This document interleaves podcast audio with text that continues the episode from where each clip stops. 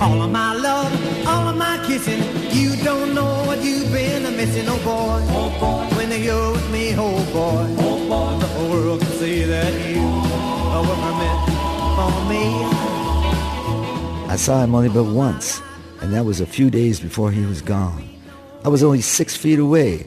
He was mesmerizing. I watched his face, his hands, the way he tapped his foot, his big black glasses, the eyes behind the glasses the way he held his guitar, the way he stood, his neat suit, everything about him. He looked older than 22. Something about him seemed permanent, and he filled me with conviction.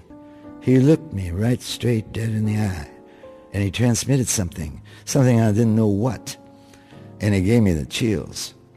I think it was a day or two after that that his plane went down, and somebody, somebody I'd never seen before, handed me a Leadbelly record with the song Cotton Fields on it. And that record changed my life right then and there, transported me into a world I'd never known. It was like an explosion went off, like I'd been walking in darkness, and all of a sudden the darkness was illuminated. It was like somebody laid hands on me. I must have played that record a hundred times. When I was a little baby, my mother rocked me in the cradle, and I'm old, old confused at home.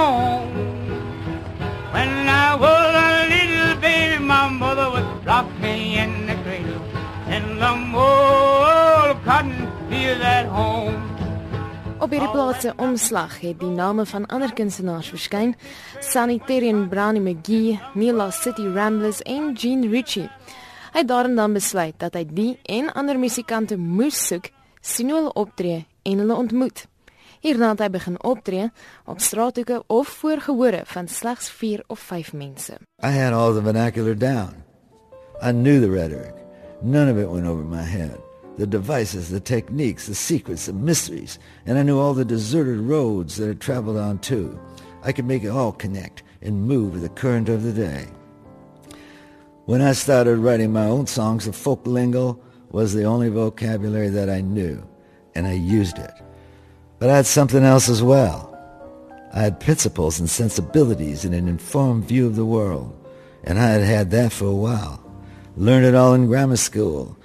I wanted to write songs unlike anything anybody ever heard, and these themes were fundamental. Die boeke wat die grootste indruk op hom gemaak het en waarvan die temas glo herhaaldelik in sy musiek gebruik word, is Moby Dick, All Quiet on the Western Front en Homerus se Odyssey. Moby Dick is in 1851 geskryf en handel oor die jag van 'n berugte walvis. Volgens Dylan is dit 'n een eenvoudige verhaal wat veral fokus op hoe verskillende mense reageer op dieselfde situasie. Justification for discrimination, everything thrown in and none of it hardly rational. Moby attacks one more time, ramming the Pequod and sinking it. Ahab gets tangled up in the harpoon lines and is thrown out of his boat into a watery grave. Ishmael survives. He's in the sea floating on a coffin. And that's about it. That's the whole story. That theme and all that it implies would work its way into more than a few of my songs.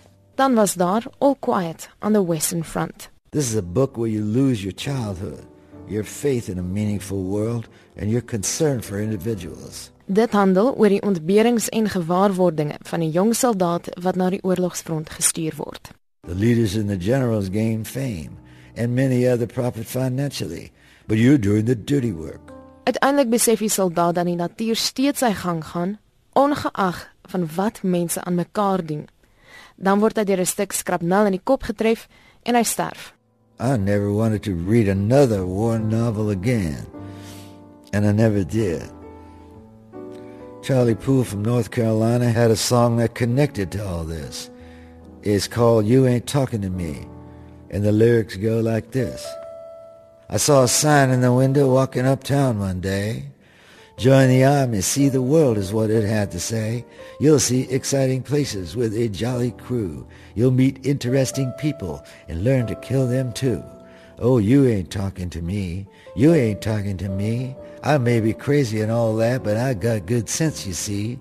You ain't talking to me. You ain't talking to me. Killing with a gun don't sound like fun. You ain't talking to me. You ain't talking to me. No, you ain't talking to me. I may be crazy and all like that, but God good sense you see. You ain't talking to me, no, you ain't talking to me. Fed me good, but it can't cut wood, you ain't talking to me. Maar was daar uiteindelik dieper betekenisse opgesluit in sy werk? 'n Joernalis van Times Magazine het die vraag aan hom gestel aan die begin van sy loopbaan. I got nothing to say about these things I write. I mean, I just write them. I don't to say anything about them. I don't write them for any reason. There's no great message. I mean, if, if you know you want to tell other people that, go ahead and tell them.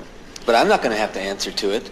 En hoe voel hy vandag hieroor? If a song moves you, that's all that's important. I don't have to know what a song means. I've written all kinds of things into my songs, and I'm not going to worry about it, what it all means. Our songs are alive in the land of the living, but songs are unlike literature. They're meant to be sung, not read. The words in Shakespeare's plays were meant to be acted on the stage, just as lyrics in songs are meant to be sung, not read on a page. And I hope some of you get the chance to listen to these lyrics the way they were intended to be heard. I return once again to Homer, who says, Sing in me, O muse, and through me tell the story.